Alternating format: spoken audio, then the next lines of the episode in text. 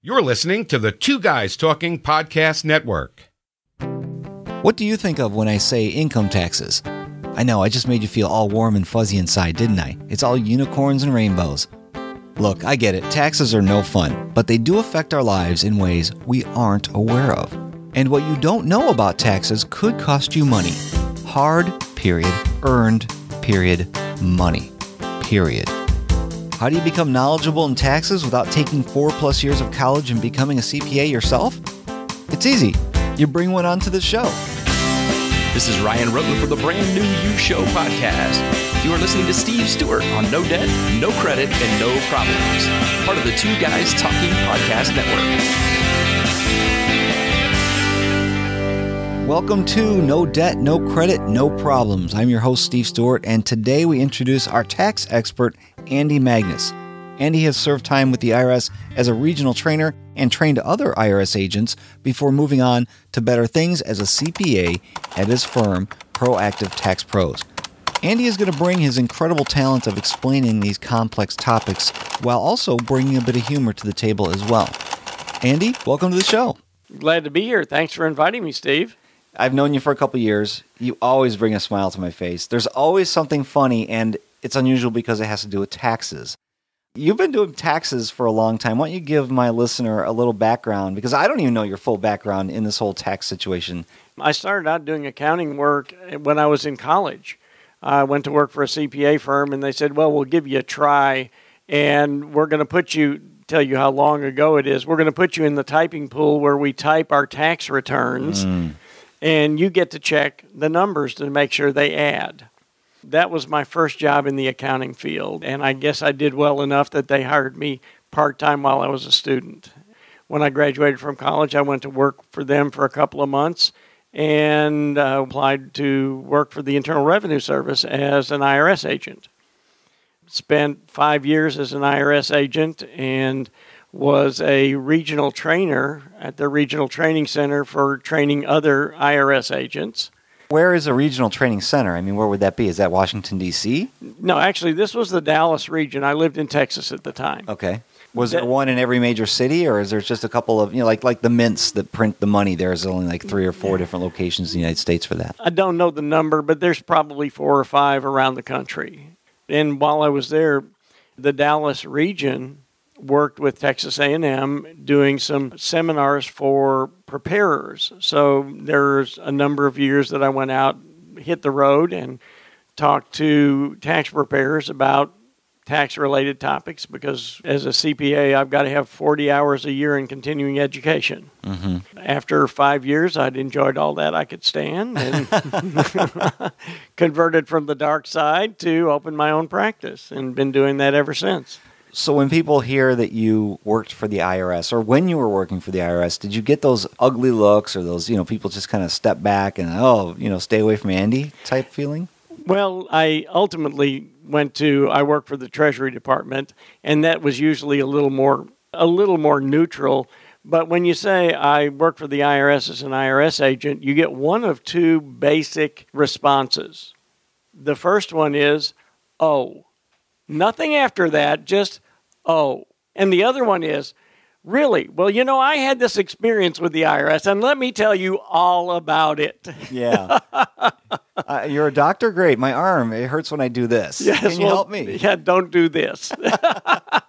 so how long ago was that again? Because you say out of college, but uh, you know I don't want you to give away your age, but uh, this this is a different time and age than most of my listeners would would know. Yes, it is. It, well, let's just say it's several decades ago. I, I have to go back to this because everybody has this image that the IRS is evil and that they're bad and all this other stuff and sure there's been some things that have tainted the IRS's image over the past couple of years for sure was it the same feeling back then well you get a certain amount of that because everything you hear on the news is one-sided, Steve. Mm -hmm.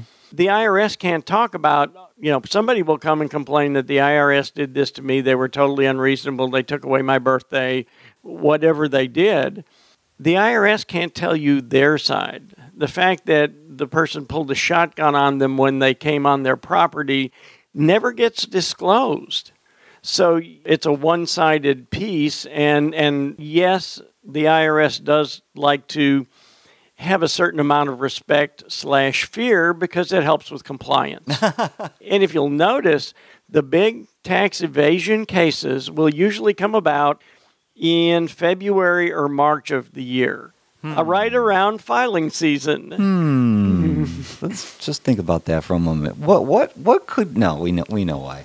But you no longer represent the IRS. Although what is an enrolled agent? Is it like the Marines once you're a Marine you're always a Marine? No, actually I'm a CPA, mm -hmm. but an enrolled agent is a designation given by the IRS that it's a test that you take that allows you to represent people in front of the IRS and if you pass the test then you you get to carry the designation as an enrolled agent. Now the interesting thing is that in order to prepare a tax return for somebody else, do you know how much training you need to have? You know, I did taxes for H&R Block one season. I know how much training it took to do that. So what does it take to be an enrolled agent because it was a lot of hours enrolled agent, there's an educational requirement. you got to have an ethics requirement. But, I mean, just to be a tax preparer, not an enrolled agent, but deep to just to be a tax, just to hang out a shingle and say, I do tax returns. You know how much no, how much? None. Wait, wait, wait. F so for my training where I did the seasonal, that was just to work for H&R Block. That had nothing to do with being a tax preparer. That's correct. I, I could actually go, you know, I think I can make money doing this and I can, you know, plug in a TurboTax program and maybe I can make a few bucks. And I've never prepared a tax return for anybody but myself. And you can prepare tax returns. But now you need a PTIN or something? Correct. You do have to register uh -huh. and get a, a get a preparer tax identification number, but it doesn't require any training. It just requires a check and an application. So to be an enrolled agent, what does it take to do that? Do you have to go you said something about continuing education earlier? Yes. First of all, what is an enrolled agent to the listener who's who's listening right now? What what would you do for them as an enrolled agent? And then what does it take to become one? Okay, an enrolled agent is somebody who has studied and taken a test that the IRS prepared. It's several parts. It covers individuals and business returns. So you have to have a a basic understanding and a fairly good understanding of the tax law and how to apply it to pass the test. Now, just like the CPA exam, I have a CPA certificate. What that means to the people out in, in public is that I can take a test and pass it. Same with an enrolled agent. Applying it may be a whole different thing. But to get that, it is a prestigious designation because it means you've actually studied, you actually know something about the tax law. And there's a certain amount of, you know, you have to, once you get that enrolled agent, you're required to take so many hours per year in continuing education. Uh, and you have to take an ethics course uh, every so many years. It is really a, an honor to be an enrolled agent.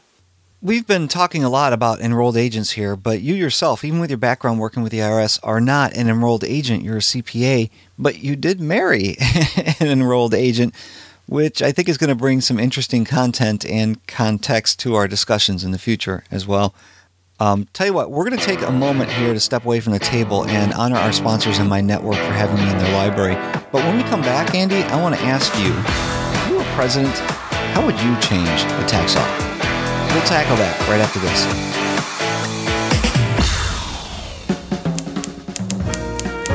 SHIELD was introduced in 1965 in an edition of Strange Tales featuring Nick Fury.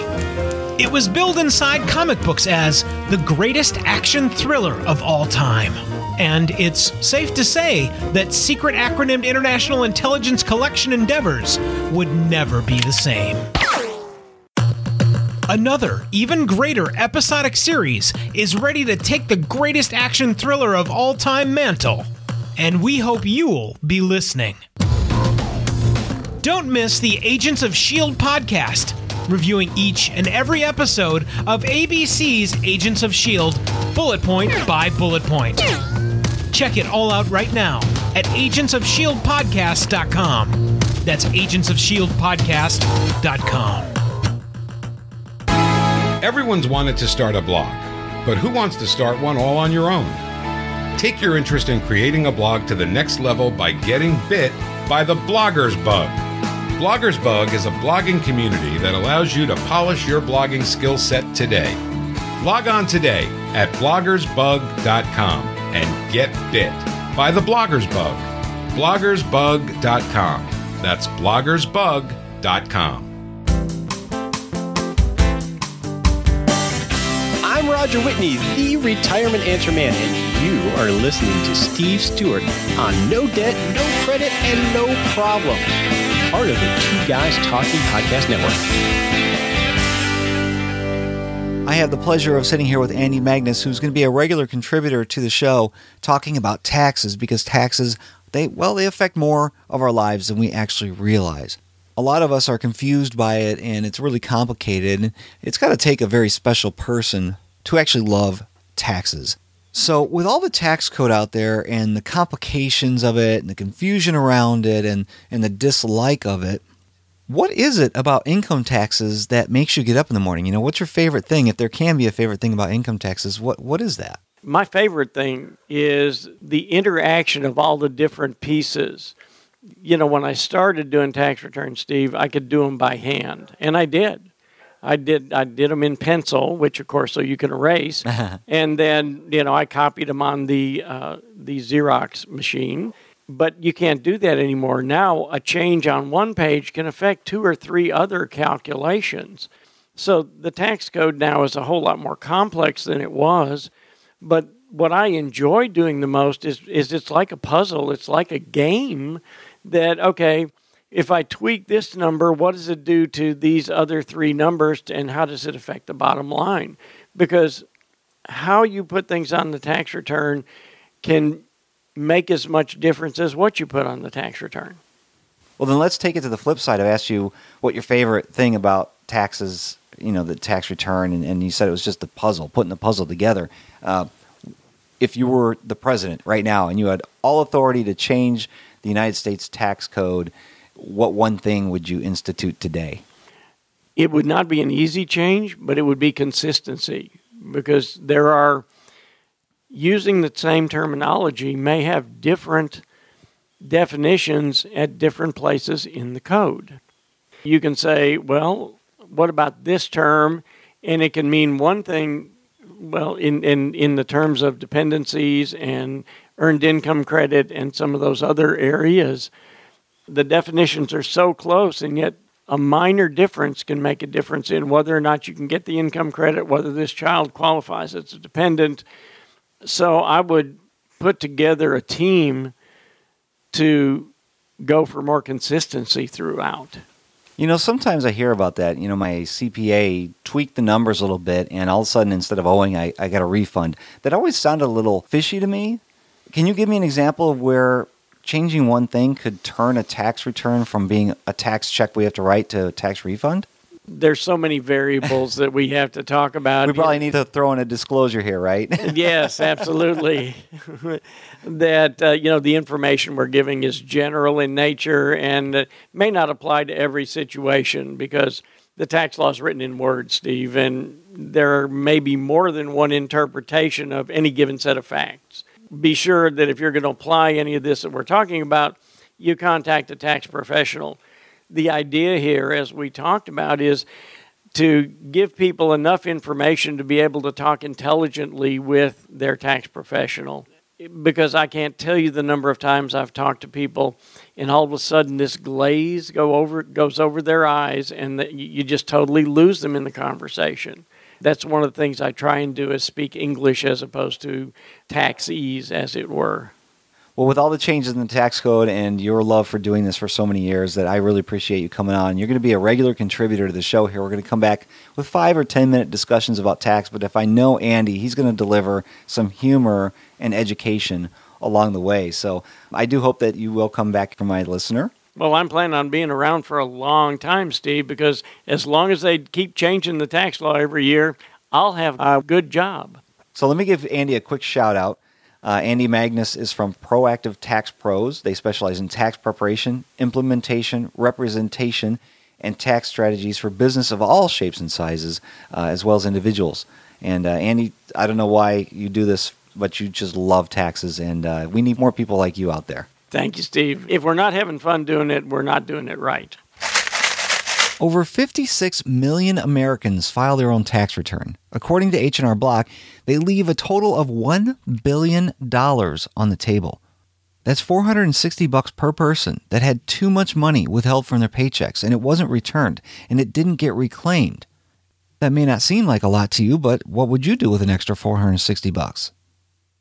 It is completely legal to claim every exemption, every credit, every dependent entitled to you. In fact, I would say it's your duty to do so, although I'm sure the government doesn't mind you leaving some of your paycheck with them. That's why Andy is going to be a regularly featured guest here on No Debt, No Credit, No Problems to help us understand income taxes better so we don't leave 460 bucks on the table. Thanks for listening to the show. We are just getting started. If you haven't listened to episode 1, please go back and listen to that. This is episode 2, and in the next episode, we meet Tom Corley, the author of Rich Habits. He's going to share with us his greatest discovery through his research of the rich and the poor, and we're also going to have a big announcement. You're not going to want to miss that. So listen to episode 3 with Tom Corley, Habits of the Rich. Until then, I'm Steve Stewart reminding you to pay attention, not interest.